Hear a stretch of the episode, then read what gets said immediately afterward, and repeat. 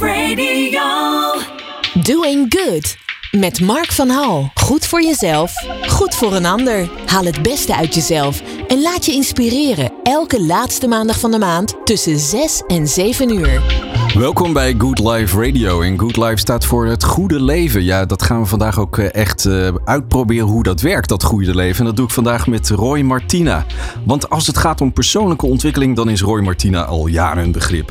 Hij is een holistisch arts, schrijver van ruim 88 boeken, business en life coach en ook nog een internationale trainer en spreker. En een van zijn bekendste boeken is Emotional Balance. Hij is ook een van de drie Musketeers, ja. En hij werkt dan samen met eh, Robert Bridgman en Janos onder andere.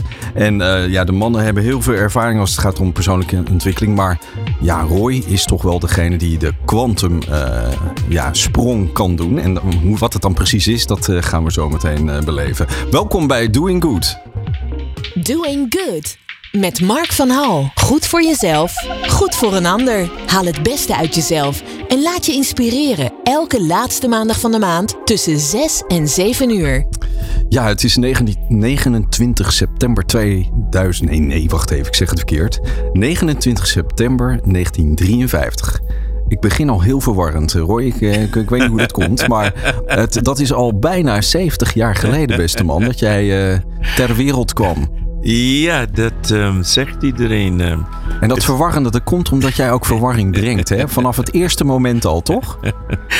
Nou kijk, wanneer we verward zijn, staan we open voor het nieuwe. Wanneer we denken te weten, ja, dan kun je het vergeten. Ja, precies. Maar wat gebeurde er toen jij geboren werd? Nou, wat mij verteld is geworden, is dat ik ehm, blauw aangeslagen was. Omdat ik mijn navel, of de navelstreng, die was om mijn hals. En volgens de artsen later, die zei dat ik ehm, hersenbeschadiging had. De symptomen die ik had, was een vorm van autisme en ADHD.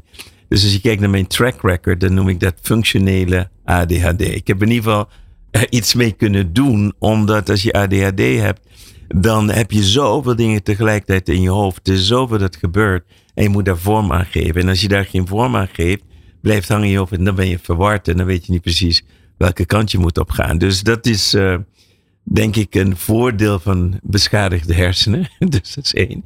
Dat je daardoor in ieder geval, je krijgt een labeltje eh, op, maar daardoor kun je jezelf zijn. Dus daar kun je ontwikkelen wat bij jou past, omdat er niets, dat er niets is waar je in past en daar- daarin eh, terecht kan.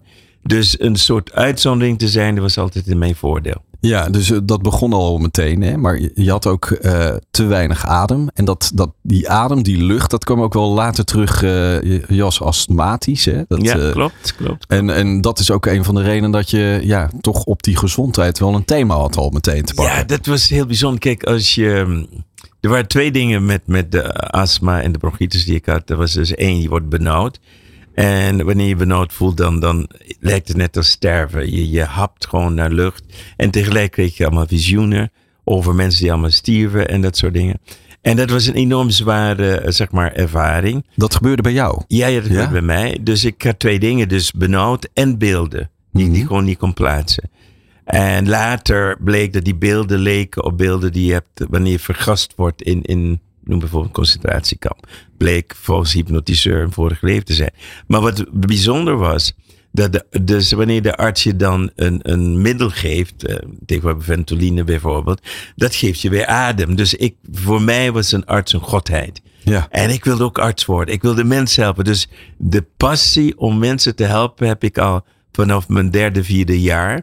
En ik wist dat ik arts zou worden al op mijn vijfde jaar. Dat was voor mij het doel, het einddoel. Ik wil andere mensen helpen. Dus mijn, mijn, zeg maar, mijn missie of mijn richting werd heel vroeg bepaald. Maar kan het ook zijn dat eh, als je dan eh, die astmatische aanvallen had, dat je dan al die beelden kreeg, dat het ook best wel indrukwekkend is. En als je dan zo'n middel krijgt, dat je dan toch weer een soort van normaal eh, op de wereld reageert. Was dat ook een onderdeel van nee, het bij mij, ik heb hele abnormale ervaringen gehad. Dus één daarvan was dat ik in mijn eigen bubbel zat. Als, zeg maar, als je een vorm van autisme hebt, zit je gewoon in je eigen verbeeldingswereld. En ik had daar allemaal ook eh, verbeeldingsvriendjes heten dan, maar voor mij waren ze 100% echt.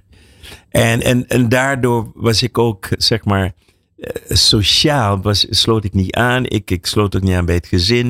Ik zat altijd alleen in mijn eigen wereld.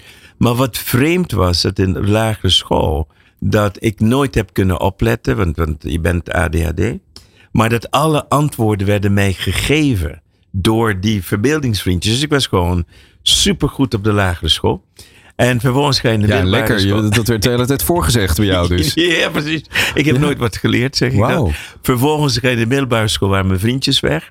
Maar ze gaven me nog een tip. eh, toen ik helemaal diepe verdriet was, hebben ze gezegd, alles wat je moet eh, leren, kun je op band zetten. En dan kun je, kun je slaap met een koptelefoon op. En in die tijd hebben we die hele grote haspels. Waar je 8 tot 12 uur... Het waren nog niet van die lekkere cassettebandjes. geen Sony Walkman. geen mp3'tjes. Dus elke nacht lag ik gewoon met een koptelefoon op. En ik ben gegaan van de domste in de klas naar cum laude geslaagd uh, voor de middelbare school. Ik ben ook bij uh, mijn artsenstudie precies hetzelfde probleem. Kon niet opletten in de college. Practicum geen probleem. En ik ben ook door slaapleren ben ik cum laude geslaagd als arts. Een van de jongste artsen cum laude geslaagd. Op mijn 22e, 23 was ik al geslaagd. En toen begonnen de problemen, want ik ja, wilde... wacht even. Niet, niet naar die problemen nog. Nee, nee, oké, daar gaan we nog niet naartoe. goed. Maar je, je bent dan eh, slapend aan, ben je aan het leren. Toen was je dus eigenlijk al bezig met je onderbewustzijn. eh, en, en het eigenlijk het downloaden van informatie naar je onderbewustzijn. Precies. Terwijl de ik wist hele niet dag... wat ik deed, maar Nee. dat deed ik dan. Oh, ja. En, en later heb ik gezien hoe je het op alle manieren kunt toepassen. Ook voor patiënten, voor sporters, noem maar op. Omdat wat we allemaal als rode draad hebben, is onze onderbewustzijn. En 90% van ons gedrag, van onze emoties, van onze manier van denken wordt bepaald door je onderbewustzijn. Dus ik had heel vroeg, had ik daar dus al iets mee. En, en later natuurlijk ben je, ga je hypnose bestuderen, omdat dat ook daarmee te maken heeft. Ja, ik onderbrak je net, hè, want je wilde naar problemen. En, dan- ik dacht van, nou, dat- die komen nog vast wel. Nee, maar je, je hebt dan op een gegeven moment eh, je, je studie gehaald, cum laude, door eh, slapend te leren of Mm. Ja. lerend te slapen. Eh, dat is natuurlijk... eh, wat, wat, was, eh, wat, waar wilde je naartoe, eh ik Nou, je onderbrak? mijn eh, droom op een gegeven moment was, ik wilde chirurg worden. En daar was ik ook goed in. In alle vakanties ging ik terug naar Aruba. En dan mocht ik mee opereren. Ja, dus ik was heel ver in chirurgie. Want waar woonde je eh, op dat moment? Dus ik studeerde in Utrecht. Utrecht, dat ja, was ja. eh, Rijksuniversiteit Utrecht. En, eh, maar vlak voor mijn eindexamen was ik in een zwaar auto-ongeluk. Mijn twee halszwervels gebroken. Wat we tegenwoordig noemen bijna doodservaring gehad.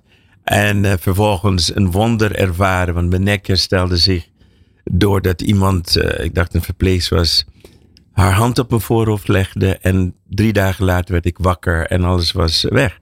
Maar het probleem was na het ongeluk, na mijn herstel, bleef mijn handen trillen. En eh, daardoor kon ik geen chirurg worden. Ik ben uiteindelijk huisarts geworden. En die huisarts, die, eh, nou, ik was huisarts, maar ik had ook een fysiotherapeut voor mijn, mijn eh, problemen te behandelen met trillende handen.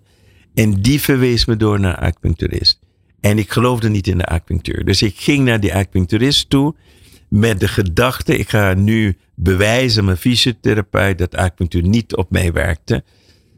Maar het tegenovergestelde was waar. En acupunctuur binnen drie, vier behandelingen was ik praktisch klachtenvrij. En zo ben ik uiteindelijk op holistische pad gekomen. Niet uit idealisme, maar puur omdat het praktisch eh, bij mij werkte met de gedachte, als iemand die zo sceptisch en cynisch is als, zoals ik, als acupunctuur bij mij kan werken, dan kan bij iedereen werken. En zo is mijn pad veranderd naar wat ik nu zeg maar ook meer nog steeds doe.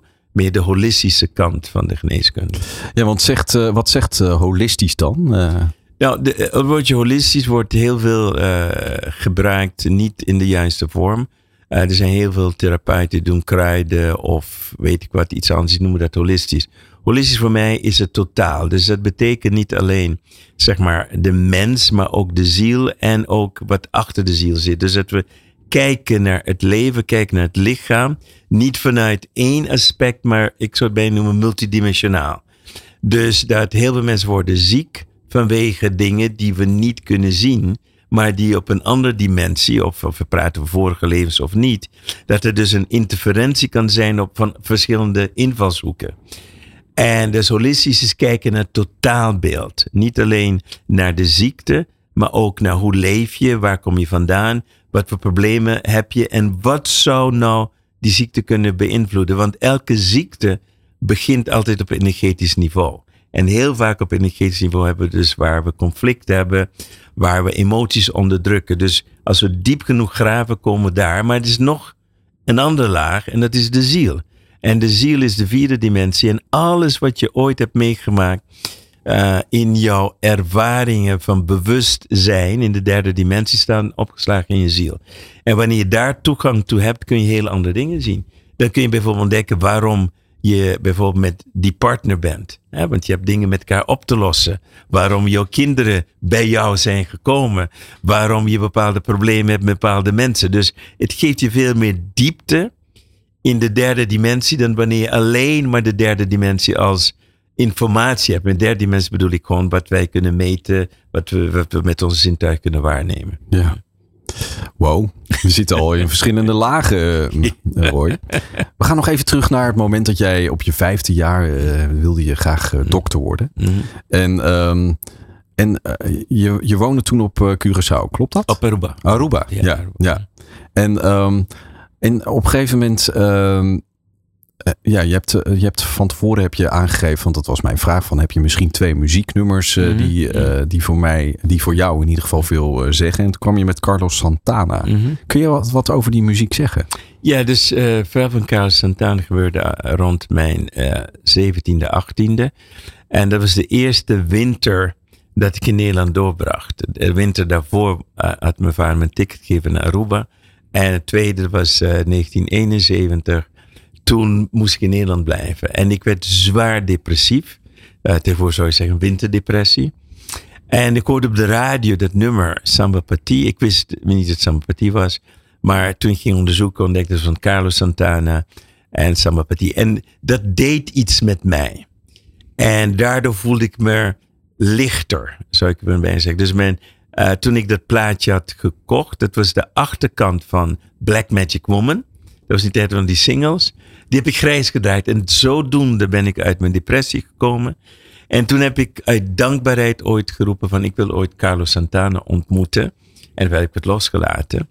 En dan ongeveer 25 jaar later zit ik bij Carlos Santana in de studio. Hebben uren gesproken. En uh, ik heb hem ook kunnen bedanken. Ik had namelijk uh, via een vriendin zijn vrouw behandeld, Deborah, Deborah Santana. En toen realiseerde ik me de kracht van intentie. Want toen realiseerde ik 25 jaar geleden heb ik de intentie gezet om Carlos Santana te ontmoeten. Hoe werkt dat dan? Toen ben ik gaan duiken in de kracht van intentie, heel veel onderzoek gedaan, tot ik uiteindelijk dus uh, achter de kwantumwetenschap kwam, wat te maken heeft met energie. En daar heb ik geleerd hoe ik het veld kan bespelen. Klinkt heel erg uh, niet respectvol, maar hoe je het kan beïnvloeden door jouw intentie. Dat je dingen kunt creëren en waarmaken.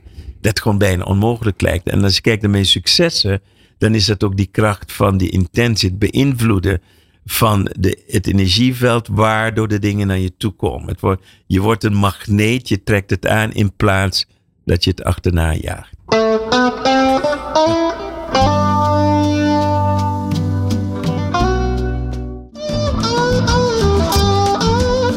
Beetje oneerbiedig dat ik door uh, Carlos Santana heen praat, uh, hey Roy. Maar het is ook wel weer mooi, hè? Dat, uh, dat ja, er zitten natuurlijk heel veel riffjes. En, maar het is niet, je wordt niet helemaal overvoerd met, met allerlei noten door elkaar heen. De eenvoud van, van dit prachtige nummer maakt het ook zo sterk. Hè? Ja, en ook, ja? ook het, gitaars, het gitaarspel erin, het ritme. Ja. Ja, het heeft iets enorm met me, enorms met me gedaan. En ook daardoor ook al vroeg het idee gevoeld van de kracht van muziek wat we heel veel kunnen doen. Ik maak tegenwoordig met, samen met uh, een uh, muzikant maken we ook uh, muziek met hele hoge frequenties. Waardoor mensen in een betere staat komen. Hè? Dus dat, dat kan tegenwoordig allemaal. En we kunnen het ook meetbaar maken. Maar, maar dat, zit ja, dat is tegenwoordig. Maar ik heb wel eens gelezen, ja, ik lees af en toe wat. dat, dat zeg maar orgel, zeg maar ehm, van die grote kerkorgelen mm. ook gewoon de frequenties uh, uitstralen. Dus die frequenties, daar wordt ook mee gespeeld. Hè? dat is natuurlijk al heel lang. Ja, ja, ja. Nee, dat is op zich niet nieuw. En we hebben de rattenvanger ja. van Hamelen, die wist ook met zijn fluiten. Maar, maar, maar even, even toch naar dat... Uh, de, je, had, je had het over dat dit de andere kant van de single mm -hmm. was Black Magic Woman. Hè? Mm -hmm. Um, Black Magic, dat is Mhm. natuurlijk, staat natuurlijk ook wel een beetje voor iets wat ongrijpbaars is. Mhm, mhm. Maar als jij eh, zeg maar het pad kiest zoals je dat hebt eh, gekozen, dan zit daar ook iets ongrijpbaars voor heel veel mensen die mentaal bezig zijn met een arts moet je gewoon een middeltje geven. Eh, hè, dat moet je inslikken of opsmeren en dan word je vanzelf beter. Maar dit is een heel ander verhaal. Je hebt ook al aangegeven, hè, je nekwervel, je, je werd aangeraakt door een verpleegster. En, eh, en het was oké. Acupunctuur. eh, je wordt eh, met na- naalden in je systeem gezet en, het, en het wordt oké. Ja. En jij was sceptisch daarop. Absoluut. En, en even voor de record. het is eigenlijk Black Woman with Magic. Eigenlijk. Ja. Dus niet de Black Magic. Oh, maar nee, even- Ja, ja. Dus hij vond haar heel magisch. om-. Maar het was een Black Woman. Dus even in, in die context. Dat het niet dat Weer hij niet dit, met voodoo of iets in die Nee. case. Maar het geeft wel het mysterieuze aan. Ook, ook van het leven. En een van de dingen eh, waar ik me in heb gespecialiseerd. Dat was, fascineerde me enorm. Was het zogenaamd placebo-effect. Te weten dus dat de, onze mind, onze geest dingen kan die eigenlijk niet kunnen. En als we teruggaan naar, naar mijn genezing. Ik kan vanuit eh, mijn medische expertise zeggen dat was een wonder. Eh, een bijna doodservaring is iets heel bijzonders. En daar heeft bijvoorbeeld Pim Lommel heel veel over geschreven. En een van de dingen die je dus meekrijgt daarna is dat je geen angst hebt voor de dood. Ik zeg altijd in de hemel heeft, eh, hebben ze in de airconditioning allemaal cannabis. Eh, ze hebben daar weed. Everybody is happy, don't worry, be happy. En wanneer je dat dus terug meeneemt, dat je weet, daar kom ik vandaan. Het leven is oneindig. Dat verandert alles in je leven. En ik, ik wilde niet terug. En maar eh, ik noem het de council, de groep der wijzen die we allemaal hebben. Die zegt, eh, je moet terug, want je missie is nog niet afgelopen. Het was tijdens je bijna doodervaring Ja. dat je een council eh, zag of ervoer. Ja. En het is trouwens de tweede bijna doodervaring die je had. Want jij vertelde dat je zeg maar ook blauw was toen je... Ja, dat ook. Ja. maar dat kunnen we niks Hij- van herinneren. Nee, nee, Dus maar, dat is- dat, maar dat denk je hè? Want het, Ja, ja, ja, misschien eh, absoluut. herinner je daar misschien nog heel veel in Ja, je onderbewust. Dat is ook de kracht van hypnose. Dat je te- of terug kunt gaan tot elk moment van je bestaan. Maar het allerbelangrijkste is, er zijn, zijn een paar elementen. Nummer één is er dus, ja, er kunnen dingen gebeuren die buiten het medische stuk vallen. Eh, acupunctuur is daar één van, want in feite werk je alleen met energieën. Je, je doet geen verandering in het systeem. Als we gaan kijken naar homeopathie, idem dito, zijn- is puur energie. En wanneer we gaan praten over energie, hebben we de kwantumwetenschap gaat over puur over energie. En, en dat is dus, uiteindelijk ben ik daar naar teruggeleid. Naar, om de mysterie van het leven te gaan bestuderen vanuit bekende wetten in plaats vanuit spiritualiteit of religie. Hoewel daar allemaal tendensen in zijn. Als we spiritualiteit definiëren als de subjectieve interpretatie van de kwantumwetten. Dingen gebeuren en daar geven betekenis aan. Maar wat er gebeurt is allemaal wetmatig. Dus wat we ook nu weten is dat, uh, als we kijken naar al die studies, is dat ons bewustzijn blijft bestaan na dat het lichaam dood is. Dat, dat is nu zo. Daar kunnen we in geloven of niet. Maar het is zo. En meer dingen komen daar terug. Maar de vraag is nu, hoe kunnen we dat gebruiken in het leven nu? En wanneer ik dan praat over intentie, dan beïnvloedt het veld dat wij eh, niet eh, zien. En, en dat is de kracht van heel veel dingen. Ons bewustzijn beïnvloedt het veld. Ons bewustzijn zendt continu signalen uit van wat wij geloven, onze waarheid. En daardoor trekken we dat aan. Dus het leven dat we hebben gecreëerd of hebben gemanifesteerd is gebaseerd op onze overtuigingen en onze intenties in het verleden. En als je het leven niet aangenaam vindt, ja, dan heb je een struggle, heb je een conflict. De kunst is dat als je het onderbewustzijn daar verandert, verandert het leven dus ook. Dus alles wat ik doe, is gebaseerd op deze principes in het nu. Het zijn allemaal dingen die je zelf hebt ervaren. Hè? Want je vertelde net van toen je het, het nummer van Carlos Santana hoorde, dat je ja, eigenlijk had uh, de intentie had gezet om hem een keer te gaan ontmoeten. Ja. En dat is ook gebeurd uiteindelijk. Toen kwam je er ook, uh, dat is een soort van bewijs van: hey, ik heb dit al eerder gedroomd of een intentie gezet en, het, en het is ook gerealiseerd. Kijk, je kan dan niet meer ontkennen. Nee. Kijk, de dingen gebeuren, alles gebeurt heel vaak in, op toeval. Vaak de partner waar we mee zijn, zijn allerlei omstandigheden waardoor dat toevallig zo samenkomt. Maar stel je nu voor dat een wetmatigheid is achter die kracht van intentie, dan ga je op zoek. Wat moet ik nu doen om mijn intentie steeds beter, steeds krachtiger, steeds specifieker te kunnen uitzenden? En dan te gaan ontdekken dat je wanneer je het uitzendt, het ook onmiddellijk een echo teruggeeft. En dat je daardoor dat echt dingen kunt gaan aantrekken in je leven. En dat zelfs het onmogelijk waar kan worden. En, en we hebben ook de tijd gehad van de zogenaamde secret, waar men praat over de wet van aantrekkingskracht. Maar dus de, het, er is geen wet van aantrekkingskracht, er zijn principes van aantrekkingskracht.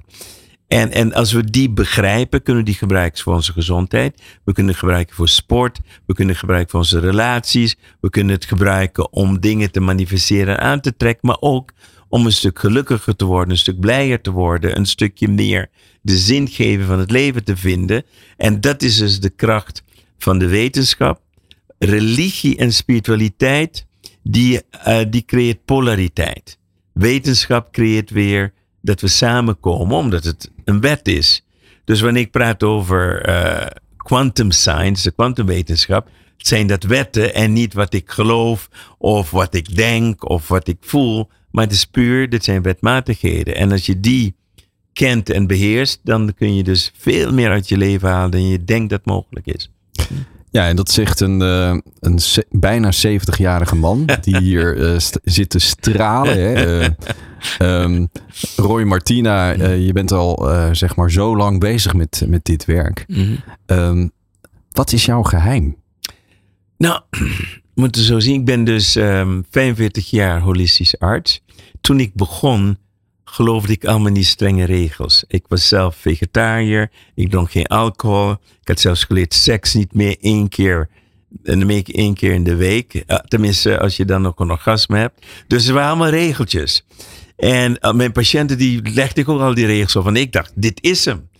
Tot op een gegeven moment ontdekte ik dus uh, de langslevende vrouw in de universiteit dat is Jean Calmet en die is 122 jaar geworden in 134 dagen. Die ben ik gaan bestuderen en anderen zoals haar. Nou, zij is nummer één. En dan ontdekte ik dat ze niets van die dingen deed wat mijn patiënt allemaal oplegde. Dus zij Ze ging helemaal los in alles. Ja, ze heeft 80 jaar gerookt. zij dronk als een, weet je wel, ik weet niet hoe, maar dat is een rust zou ik bijna zeggen. Ja. Weliswaar rode wijn, dus dan kun je daar. Dat schijnt ook goed te zijn, hè? Een beetje rode wijn. Ja, ja, er zaten ook een beetje chocola, zou ook dat kunnen zijn. Maar wat ik ontdekte waren een aantal uh, bijzondere dingen. Nummer één, uh, ze kon goed loslaten. He, dus een van haar grootste kracht was dat ze leefde in het nu. Ze was niet in het verleden bezig. Tweede was, ze was een levensgenieter. Ze was de joie de vivre natuurlijk uh, van Frankrijk. En die twee elementen is dus waar, waar ik naar onderzoek ben gaan doen. En wat ik ontdekt is, uh, en dat heb ik genoemd seriositis. Seriositis is niet een echte ziekte. Maar, ik krijg al bijna rode vlekken als je dit, uh, dit zo noemt. maar seriositis is wanneer we te serieus worden over het leven. Dan wordt het te zwaar. Ja. Dat, dat is dus oh, ja. het hele. Ja, maar ik bedenk wel dat heel veel mensen ook heel erg blij zijn dat jij nu even um, wat meer ruimte geeft. Dat mensen niet allemaal uh, vegetarisch hoeven te eten. Precies. Wat misschien ook heel gezond is. Ik ga daar niet... Nee, dat gaat helemaal. Het nee. gaat niet. Je kan vegetariër zijn. Maar als je seriositis hebt, dan helpt het dus niet. Nee, dus... Want je kan McDonald's eten. En als je joie de vivre hebt en je bent goed in het loslaten, leef je langer. Punt. Elke wetenschap kan me alles over vertellen, maar dat is het geheim. Het geheim is geniet van het leven en niets vasthouden. Vergeven, forget, let go. Snap je?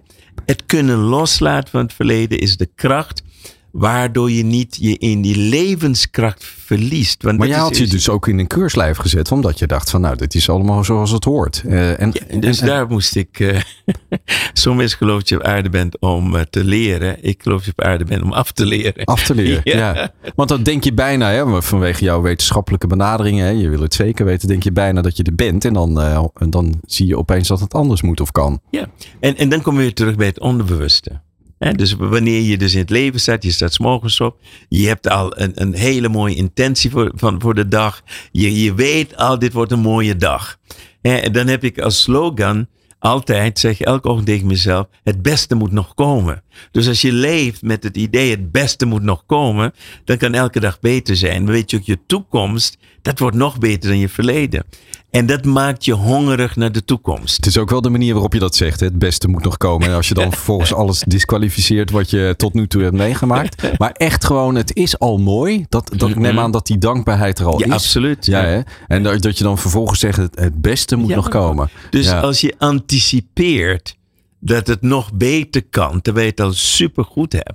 Maar waarom zitten mensen dan soms zo in elkaar dat ze denken van, oh, als ik maar vasthoud wat ik nu heb, want anders... eh, en dan komt die angst af en toe gewoon een beetje. Ja, maar die- dat is dus het, het mechanisme waar, waar we hebben in ons systeem. Het is een instinct. Dus wanneer we geboren worden, is er één ding heel, heel helder. Is dat we hebben een overlevingssysteem. Dat wordt heel vaak het ego genoemd. Eh, dus het overlevingssysteem, het ego, wordt voor een gedeelte geprogrammeerd. Voor een gedeelte is het instinctmatig. Dus als je probeert zelfmoord te plegen door je adem in te houden, gaat het niet worden. Nee. Want je ego neemt over. Right? Dus met ego wordt er geprogrammeerd op een dusdanige manier dat je kunt overleven daar waar je opgroeit. Dus als je in de Amazone of in een andere jungle opgroeit in Indonesië, dan moet je leren wat zijn de gevaarlijke slangen, welke fruit kun je wel eten, wat niet, enzovoort. Dus je wordt geprogrammeerd puur op basis van overleven. Dus dan is een stuk ego wel heel handig. nou, iedereen heeft een ego. En het ego bepaalt wat is veilig en onveilig. Dus dat is één. Maar je programma's creëren dus de betekenis wat echt onveilig is. Dus wat echt onveilig is, is dat wat uit je comfortzone zit, dat veilig is. Dus als je bijvoorbeeld spreekt in het openbaar, is voor heel veel mensen onveilig. Niet het spreken in openbaar zelf, maar je spreekt voor mensen die mogelijkerwijs niet prettig vinden of jou afwijzen waar je het over hebt. Of die vinden dat je niet goed genoeg bent of, of enzovoort. Dus het wordt onveilig. En het onveilig creëert die angst. En dat hebben we in het leven, dat hebben we in onze relaties, dat hebben we in onze intimiteit, we hebben met onze gezondheid. Er zijn heel veel dingen die onveilig is. En daardoor creëer je een mentale gevangenis door je ego van wat veilig is. En dat noemen we onze comfortzone. Maar het feit is dat heel veel comfortzones helemaal niet comfortabel zijn. In feite hebben we heel veel oncomfortabele comfortzones, maar de onveiligheid om uit die comfortzone te stappen is groter dan de discomfort die je hebt waar je bent. Dus eh, ik, eh, ik voel nu een soort van, eh, ik zit op een spijkerbed. Dat is voor mij heel erg bekend. Ja, ja. Maar ik, omdat ik niet weet wat daarvoor in de plaats komt, Precies. blijf ik maar gewoon op dat spijkerbed. Auw, dat Ja, is niet echt heel precies. fijn. Ja. Dus wat, wat, wat ik dus doe met mijn trainingen, is dus mensen hun comfortgebied uitbreiden. Dat is één manier. Tweede manier is, en dat is vele malen sterker, en dat is dat je je veilig gaat voelen wanneer het onveilig is. En dat heeft een hogere vorm van bewustwording nodig. Omdat als je weet dat je onsterfelijk bent, als je weet hoe het systeem werkt, dan begrijp je dat als ik, als bijvoorbeeld twee mensen voor een public speaking, hè, allebei voelen in het lichaam hetzelfde. Spanning, zweten enzovoort. De een zegt, jezus, straks zo dadelijk gaat helemaal mis. Die ander zegt, wow, I'm excited. Ik ben zo opgeladen. Zodra het gesprek gaat spetteren. Zelfde gevoelens, twee andere betekenissen. Dus die een die heeft dat geassocieerd met onveilig. En die ander heeft dat geassocieerd met veilig. En dat is de kunst waardoor wij steeds kunnen blijven groeien. Om, omdat persoonlijke ontwikkeling zit buiten je veiligheidszone. En dat is dus, daar hebben we moed voor nodig. En, en dat te durven, dan kom je in authenticiteit. Wanneer je komt in authenticiteit, valt veel spanning van je af. En dan draag je niks met je mee. De meeste mensen die leven niet echt het leven waarvan ze dromen. Ze houden zich in, ze houden zich klein, durven niet zichtbaar te zijn, spreken niet hun waarheid. Dat creëert spannings, eh, eh, spanningen in je lijf. Dat maakt dat je energie verzwakt. Daardoor word je vatbaarder voor ziektes. Dus het is eigenlijk, heeft alles te maken met holistische geneeskunde. Als je het hebt over practice what you preach. Hè? Je Mhm. vertelt net eh, dat je ja, op een gegeven moment wakker wordt. En dan zeg je het beste eh, mag nog komen of moet nog komen. ja. Dat is een van de dingen die je elke ochtend tegen jezelf zegt. Ja, dus dat is één ding. Ik ben nu zelf bezig voor het eerst dat ik een cursus van mezelf volg. Dat, die cursus heet namelijk, die vind ik zo geweldig. Die heet namelijk Free Your Mind. En in Free Your Mind Even wachten, jij bent zelf je eigen cursus aan het volgen nu. Ja, ja, ja, ja. Oh, Want wauw. wat, wat heb ik ontdekt? Ik heb meer dan 112 belemmerende overtuigingen ontdekt. Waardoor we onszelf klein houden. Waardoor we geen over niet 112, toelaten. dat zijn 112 hè? Dan weet je Ja, ja, dat? 112. En tot mijn verbazing had ik er nog een stuk of 40. Oh? Toen dacht ik, holy cow. Als ik met al mijn successen, zeg je dat, nog 40 belemmerende overtuigingen heb. Hoe zal het dan voor de gemiddelde persoon zijn? Dus zo ben ik nu die eigen 40, dat zijn er best wel veel. Uh... Ja, ja, maar 112 zijn ook heel veel. Ja, maar oké, dus je hebt 112, ben je naar 40 gegaan. Maar ja, noem eens één belemmerende overtuiging dan. Nou, één van mijn belemmerende overtuigingen was dat um, ik alleen geld kan verdienen met, dat, uh, met holistische geneeskunde. Elke keer als ik daar buiten iets deed, of nou crypto was of onroerend goed. Of ik heb zelfs een keer in een oliebron geïnvesteerd, vele jaren terug. Alles gaat mis. Dat is toch niet leeg, hè? Ja, het was een uh, luchtbubbel achteraf. dus als ik buiten mijn expertise iets ga doen, gedoemd te mislukken. Dat, dat was eigenlijk de belemmerende overtuiging. Dat is één van de Buiten je expertise, ja. Ja, en andere is gewoon het, het managen van een grote team. En ik heb uh, jaren, roep ik al, ik ben geen zakenman. Ik ben gewoon, uh, ja, ik noem me veel beter een ja, maar Roy, dat kan toch niet? Dan ben je ook geen zakenman als je dat... Uh, Precies. Dat gebeurde dus. Ah, ja, ja, Dus het gaat toevallig af en toe goed. Maar ja. mijn grootste blokkade zit erin dat ik dat geloof. Ja. Hè, terwijl ik heel veel mensen zeggen, ah, je bent heel commercieel. Maar dus dan zie ik van mezelf niet als commercieel. Ik doe gewoon mijn ding. Ik ben creatief. Ik heb honderden ideeën. Die probeer ik uit te werken. En dan uh, breng je het in de markt. Zo mensen vinden het geweldig, noem maar op. Maar het is niet dat ik bezig ben met commercie. Ik ben bezig die creativiteit in mij een plek te geven. En als je dan ADHD hebt, dan heb je heel veel ideeën. En dat betekent ook, uh, ik heb 88 boeken gepubliceerd, maar ik heb er nu al vier op de plank liggen die gepubliceerd moeten gaan worden. Dus het is meer dat je zoveel gebeurt in je leven, maar je belemmert ook daarin nog steeds je, je eigen successen. Dus de, de kunst is, en in het Engels hebben ze een woord, dat heet upper limit, je bovengrens. De, de kunst is om unlimited te worden. En het enige wat betekent niet dat je heel veel geld moet hebben, wat dan ook, maar dat je je eigen successen niet meer tegenhoudt. Dat betekent dat iedereen op een eigen gebied, als je unlimited bent, waar je mee bezig bent, dan gaat het stromen. En het betekent niet dat je niet succesvol bent als je niet unlimited bent, maar je houdt je succes tegen. En het grootste bewijs zie je bij uh, winnen van de loterij. Dat 80% van de mensen die heel veel geld winnen, binnen vijf jaar alles kwijt zijn. Die zijn ze diep ongelukkig zijn. dan, omdat ze niet weten hoe ze ermee omgaan. Of, ja, uh, ja. Of die zegt het is een vloek. Als het boven jouw eigen waarde zit, wat, wat je aantrekt, kun je er niet mee omgaan en moet je saboteren. Om je het weer terug te brengen naar waar het thuis hoort. Dus je eigen waarde speelt een enorm grote rol in alles wat je doet in je leven. En dat creëert dus ook die upper limit. Hoor, jij hebt uh, op dit moment, uh, ja, je, je geeft zoveel uh, advies of training. Je hebt mm. zoveel boeken geschreven. Ik kan met jou bij wijze van spreken nog drie maanden podcast maken vanaf dit moment. Maar wat ik, wat ik wel heb begrepen is dat gedurende de eerste jaren van, van het, dat je hier bent, mm. zit er ook een stukje pijn. Hè? Er zit Mm. ook. Um, ben je, wat is jouw pijn uiteindelijk? Waar, waar komt dit, deze oerknal bij jou vandaan? Wat er hoort daar pijn onder te zitten? Is een beetje no pain, no gain? Nou, kijk, je, hebt verschillende dingen. Aan de ene kant dus de reden dat ik arts geworden ben, is dat ik andere mensen wil helpen. Van, vanuit mijn hart. Het is niet, niet iets van, het is een soort roeping. En, en nu ik holistisch arts ben, is het niet alleen over wat we zien als ziekte. Het is totale mens. Ook de emoties en, en dat soort dingen zitten erbij. Maar uiteindelijk is alles een reflectie van jezelf. Dus op het moment dat jij stopt met te groeien en stopt met te leren, dan stopt alles. Dus mijn pijn is dat ondanks alles wat om me heen gebeurt, ondanks hoeveel mensen roepen hoe succesvol ik ben, dat ik dat zelf niet vind. Ik vind ook bijvoorbeeld dat ik gefaald heb als vader. Dus dat, ik van in eerste huwelijk ben gescheiden. Dat soort dingen. Ik zeg altijd, ik heb een boek geschreven. Voorkom frustratie in relatie. Uiteindelijk is de kunst, begin niet aan een relatie, maar dat is heel wat anders. Maar dus je ziet jezelf meer naar je schaduwkant dan je succeskant. Dus ik, mensen kun je honderd complimentjes geven. Maar als jij in jezelf voelt, ik heb nog meer te geven. En dat is mijn drive. Dus ik ben heel erg bezig met, nu ik 70 ga worden, met mijn legacy. En van wat ga ik achterlaten? Dus daarom ben ik met heel veel dingen, van een kwantumschool, nieuwe educatie, een kwantumsoort kliniek, nieuwe opleiding creëren van een society, waarin wij uh, echt een nieuwe vorm van samenleving kunnen creëren. Dus ik ben heel veel blij, wat kan ik nog voor deze wereld betekenen? En dat mijn droom nu is dat ik 100% dienstbaar ben. Dat ik in feite niet meer gedreven wordt door mijn ego. Want ik heb geen bewijsdrang meer.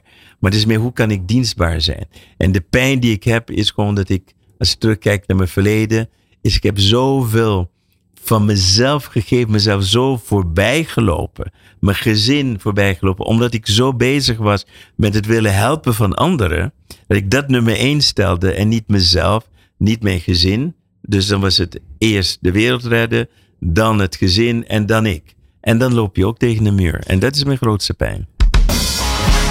Let me hear the worshiper.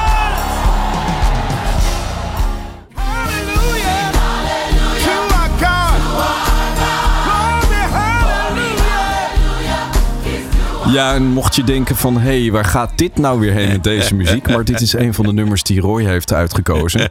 En eh, voordat wij, eh, zeg maar, deze prachtige muziek, de gospel, eh, hoorden, hadden we het even over de pijn. Roy Martine is te gast in Doing Good van, op Good Life Radio. En we hebben het over eigenlijk van alles en nog wat. maar, maar ik probeer je ook steeds weer even terug bij jezelf te krijgen. Want wat, wat Roy doet is eigenlijk, ja, je bent holistisch arts, maar je bent eh, meer dan dat. Hè? Je had het over dat, eh, dat je eigenlijk bezig was om de hele wereld te redden. En wel merkte dat, dat er dan in je directe omgeving niet iets, eh, iets niet helemaal lekker liep. Ehm, maar daar heb je ook van geleerd, neem ik aan. Ja, uiteraard. Kijk, eh, ik heb twee burn-outs gehad. Dat is de andere kant van het verhaal. En elke burn-out is een koerswijziging. Dat je dus ontdekt van oké, eh, wat moet ik veranderen? En mijn eerste burn-out was simpel dat mijn praktijk zo succesvol werd. Maar ik wilde iedereen redden. En daardoor was ik continu bezig met mijn patiënten, aan het lezen, cursussen aan het volgen. Dus ik liep me daarin voorbij. Want was het dan als je iedereen redt, dan red je jezelf? Of, of Ja, had het, het je was dan... gewoon dat ik geloofde dat dat mijn taak was. Ja. Ik geloof dat iedereen te redden was. En dat is dus niet zo. Want de ander heeft ook een stukje inbreng. Het is, ik kan niet het probleem van de ander oplossen. En vervolgens ben ik verhuisd naar, naar de, de Antillen. En daar kent iedereen iedereen. Dus op een gegeven moment kwamen mensen zitten in de praktijk om zes uur 's ochtends. Die zaten zes uur 's avonds nog. Toen ben ik steeds eerder begonnen te werken en steeds later eindigen. En dat was mijn tweede burn-out. Dus eh, dat leerde van dat het heel belangrijk is om je grenzen aan te geven. Dat zelfs als je passie groot is, dat je zoveel mensen wilt helpen, als je niet goed voor jezelf zorgt. En dit is eigenlijk een van de belangrijkste dingen die ik heb geleerd. Dat je daardoor tekort komt en daardoor doe je anderen tekort. Kijk, het feit dat je jezelf tekort doet is één ding. Maar wanneer je je kinderen tekort doet, wanneer je relatie tekort doet, is het totaal iets anders. En dan creëer je pijn en lijden die ook weer bij jou terugkomen. En dan ontstaat de struggle. En, en voor mij nu is mijn opdracht, en dat is waar ik mee bezig ben, is om die struggle bij mensen dus weg te halen. En we hebben nu vandaag toevallig een nieuwe term voor bedacht. En we moeiteloos leven. En moeiteloos leven gaat erover dat we leren dat we niet hoeven te struggelen. En dan kom ik terug naar het holistische stuk. Dat we moeten leren dus in het nu te komen. En dus te genieten van het leven. Levensgenieters moeten worden. En dan worden we lichter. En als we lichter worden, gaat alles beter stromen. En je lichaam gaat beter functioneren. En wat ik zo mooi vind is, eh, doordat je dit verhaal vertelt, dan Mhm. kan ik ook zeggen van ja, dit heb je niet eh, eh, zeg maar alleen maar wetenschappelijk ervaren, maar ook heel persoonlijk. Absoluut. Ja. Helemaal. Ja, want op een gegeven moment, hè, je was zo druk, eh, ook in Nederland, heel erg bekend. Eh, nou, dan kwam Roy weer met zijn, eh, met zijn boodschappen. Hè. Dus en, op televisie, radio. En op een gegeven moment was je ja, een werelds be- best bekende kwakzalver, bij wijze van spreken, werd je zelfs genoemd. ja, je lacht er nu om, maar het, het lijkt me ook best wel lastig als je op een gegeven moment holistisch arts wil zijn. En je wordt zoiets naar, je, naar je hoofd gem. Ja, kijk, toen ik begon, en dat was in 1980 met mijn eerste praktijk, was acupunctuur nog niet zo bekend als het nu is. En vooral een aantal religieuze mensen die zichzelf christelijk noemden, die noemden het zelf duivelswerk. Dat was satanswerk. Dus dat was nog in die tijd, kun je nagaan. Dus ik was al gewend aan, aan tegenwind. Ze zagen hoorntjes uit jouw hoofd. ja, eh, ja, ja, ja, ja. ja. En, en, en vervolgens heb je dus in Nederland waar een paar gefrustreerde, ik dacht gynaecologen of zo, meestal mannen die er niks van snapten, die zijn de kwakzalververeniging begonnen. En die gingen dus iedereen die dus iets deed of succesvol werd buiten het kader van de, wat we noemen de wetenschappelijke geneeskunde, dat helemaal niet waar is. Het is helemaal niet wetenschappelijk. Die wordt afgemaakt als kwakzalver. Terwijl de grootste kwakzalvers zitten in het ziekenhuis. Met alle respect. Hè, want de Nee, ik geneeskunde... hoor altijd met alle respect, dan eh, komt er vaak geen respect. Nee, nee, ik maar, maar ik bedoel je- daarmee, de Nee, ja. artsen zelf zijn niet het probleem. Het Nee. is het systeem. Het systeem. Het probleem is dat de artsen zijn gegijzeld door de farmaceutische industrie. Dus die hebben dus gewoon, ze kunnen niet bewegen. Ze, kunnen, ze moeten de regeltjes volgen. Dus ik zie de artsen niet als het probleem. Ik zie het systeem als het probleem. En, en dat is dus waardoor in feite de geneeskunde helemaal verkeerd is gegaan. We genezen niet echt mensen, we behandelen symptomen. En we creëren voor de farmaceutische industrie, creëren we klanten die vaak levenslang pilletjes moeten blijven slikken. En daarom is holistische geneeskunde een tegenpool. Omdat we gaan zoeken naar het probleem. We leren de mensen de tools, de gereedschap geven ze mee. Zodat ze zelf een probleem kunnen oplossen.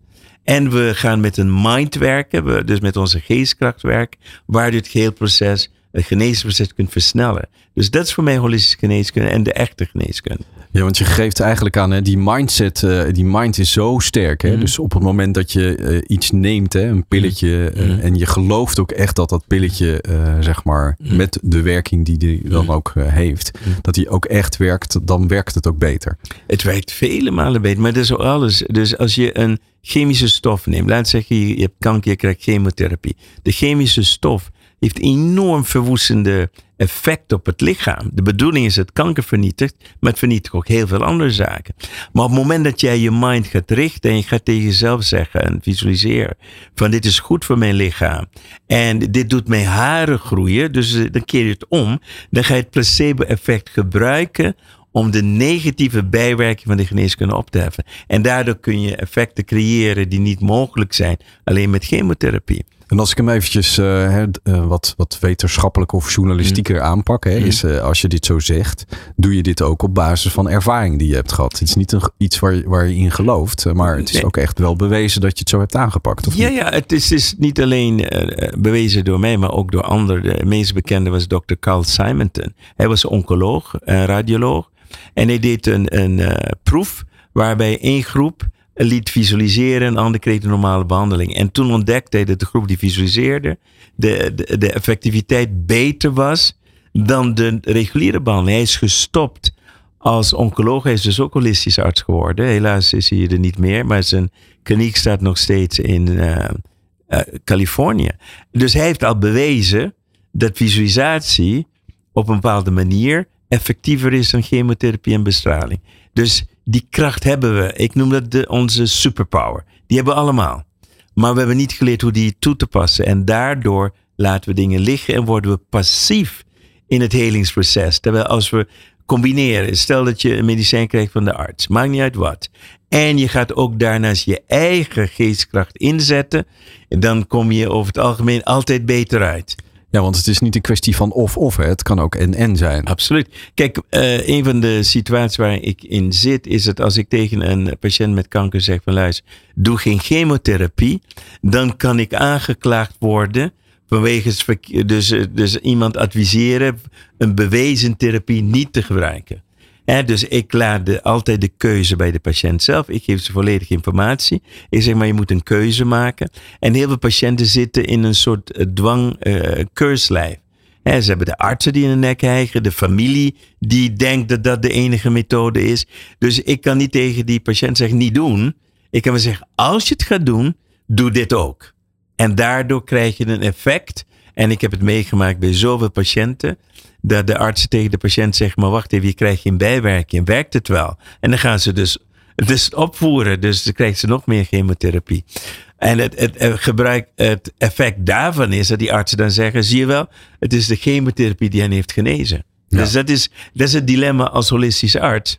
Dat als je iemand geneest, dan is het of placebo-effect, of ja, dat was kwakzalverij. Dus je kan nooit winnen van de westerse geneeskunde. En, en moet dat ook, van jou, vanuit jouw perspectief? Want je, je wil de wereld redden, hè? dat heb je aangegeven. Mm. Je bent uh, niet voor niks dit aan, uh, aan het doen. Mm. Um, moet je dan ook weten dat, dat zeg maar, het succes vanuit holistische benadering komt? Of is dat nou, het voor jou niet, belangrijk? In, ik ga niet in zo mee. Waar, waar het nu gaat, ik ben nu bezig om een, de meest geavanceerde kliniek ter wereld in uh, de Amazone te gaan creëren. In de vorm van een piramide. En daar zitten alle diagnostische middelen bij die we ook hebben in een normaal ziekenhuis. En daarnaast hebben we werken we ook met shamanen, werken met kruiden uit de Amazon. Dus we gaan daar echt onderzoek doen. En de reden daartoe is, ik kan misschien de geneeskunde niet veranderen.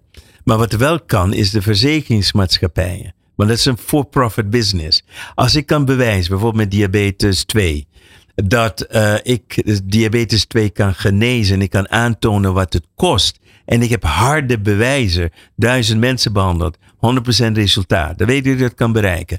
Dan zegt de verzekeringsmaatschappij simpel, wij gaan dit vergoeden. En daardoor wordt het bereik groter. Want anders zit je, blijf je zitten in een hoek waarbij ook de mensen gedwongen worden om particulier voor hun genezing te betalen. En dat maakt het minder toegankelijk voor heel veel mensen. Dus het veranderen van de geneeskunde begint eerst met de verzekeringsmaatschappij die gaan zien op basis van cijfers van hey, het kan goedkoper en het kan dus ook genezen. En, en dat is de, voor mij in ieder geval de weg die ik ga uitproberen op dit moment. Roy uh, gaf ook aan hè, van uh, oké, ik uh, ben ook ervaringsdeskundige. Hè? Mm. Ik heb, je hebt zelf twee keer een burn-out meegemaakt. Mm. Nou, daar leer je van. Mm. Um, en ehm, je bent ook de kracht van zeg maar, dat onderbewuste ben je op verschillende manieren gaan onderzoeken. -hmm. En daar is hypnose een, een, belangrijk onderdeel van. Maar in de titel of de aankondiging van dit programma is het woordje quantum mm. uh, vaak gevallen, zeg maar.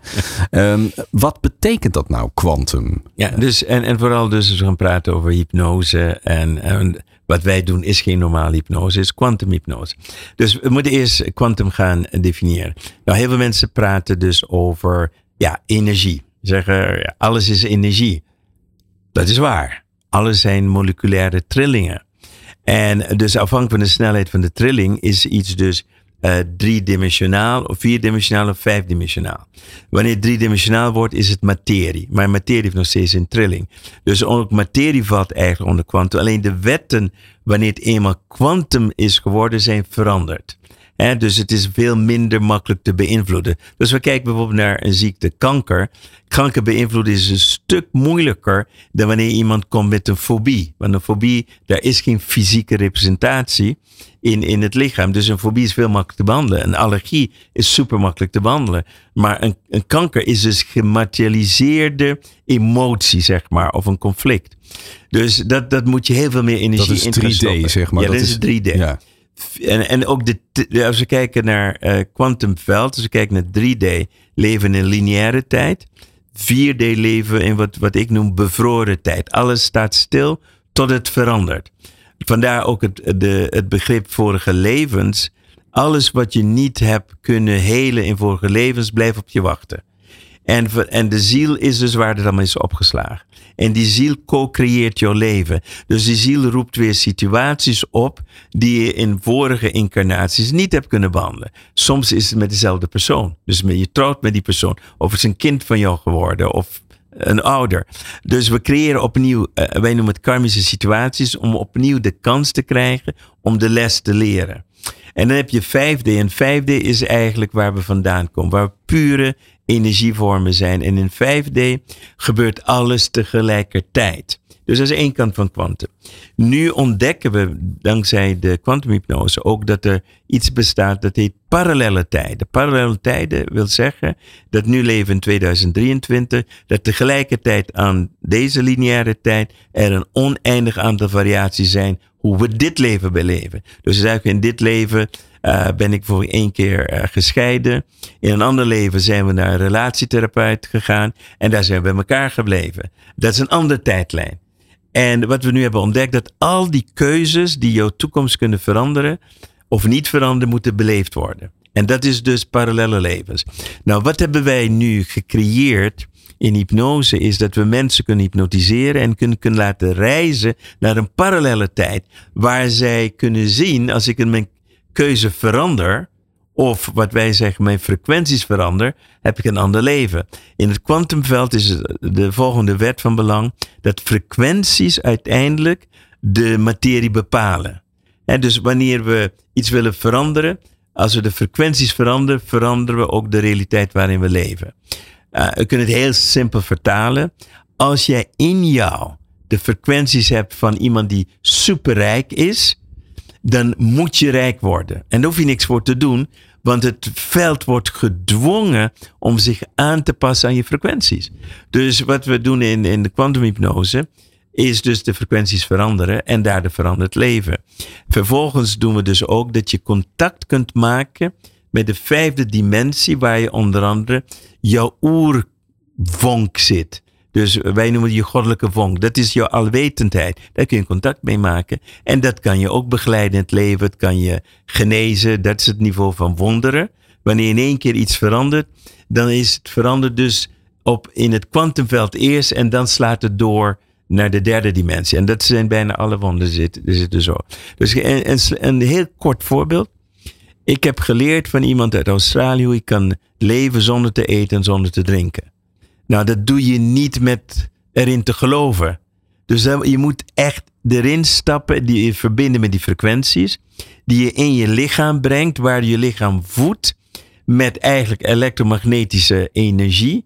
En dan leer je lichaam met te transmuteren naar calorieën. Nou, als je, als, toen ik dat als arts hoorde, zeg ik dat kan niet. Dat valt buiten mijn paradigma. Toen kwam ik iemand tegen die dat wel kon. Die heeft mij de truc geleerd hoe je dat moet.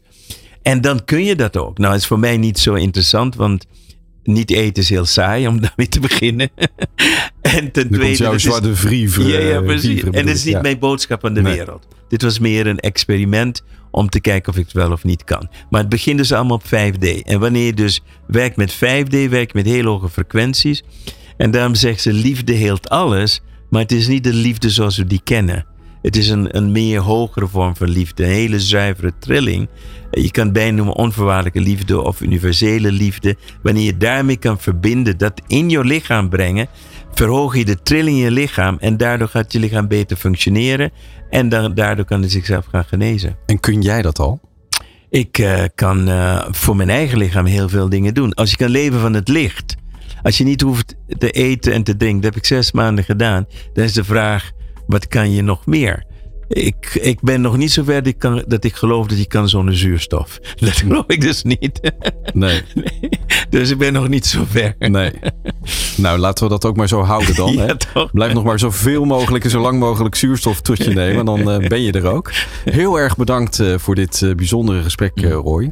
En ja, ik, ik hoop dat je heel veel mensen hebt geïnspireerd en blijft inspireren om uh, ja, moeiteloos te leven. Absoluut. Dankjewel voor de kans. En tot de volgende keer. Doing Good. Met Mark van Hal. Goed voor jezelf, goed voor een ander. Haal het beste uit jezelf en laat je inspireren. Elke laatste maandag van de maand tussen 6 en 7 uur.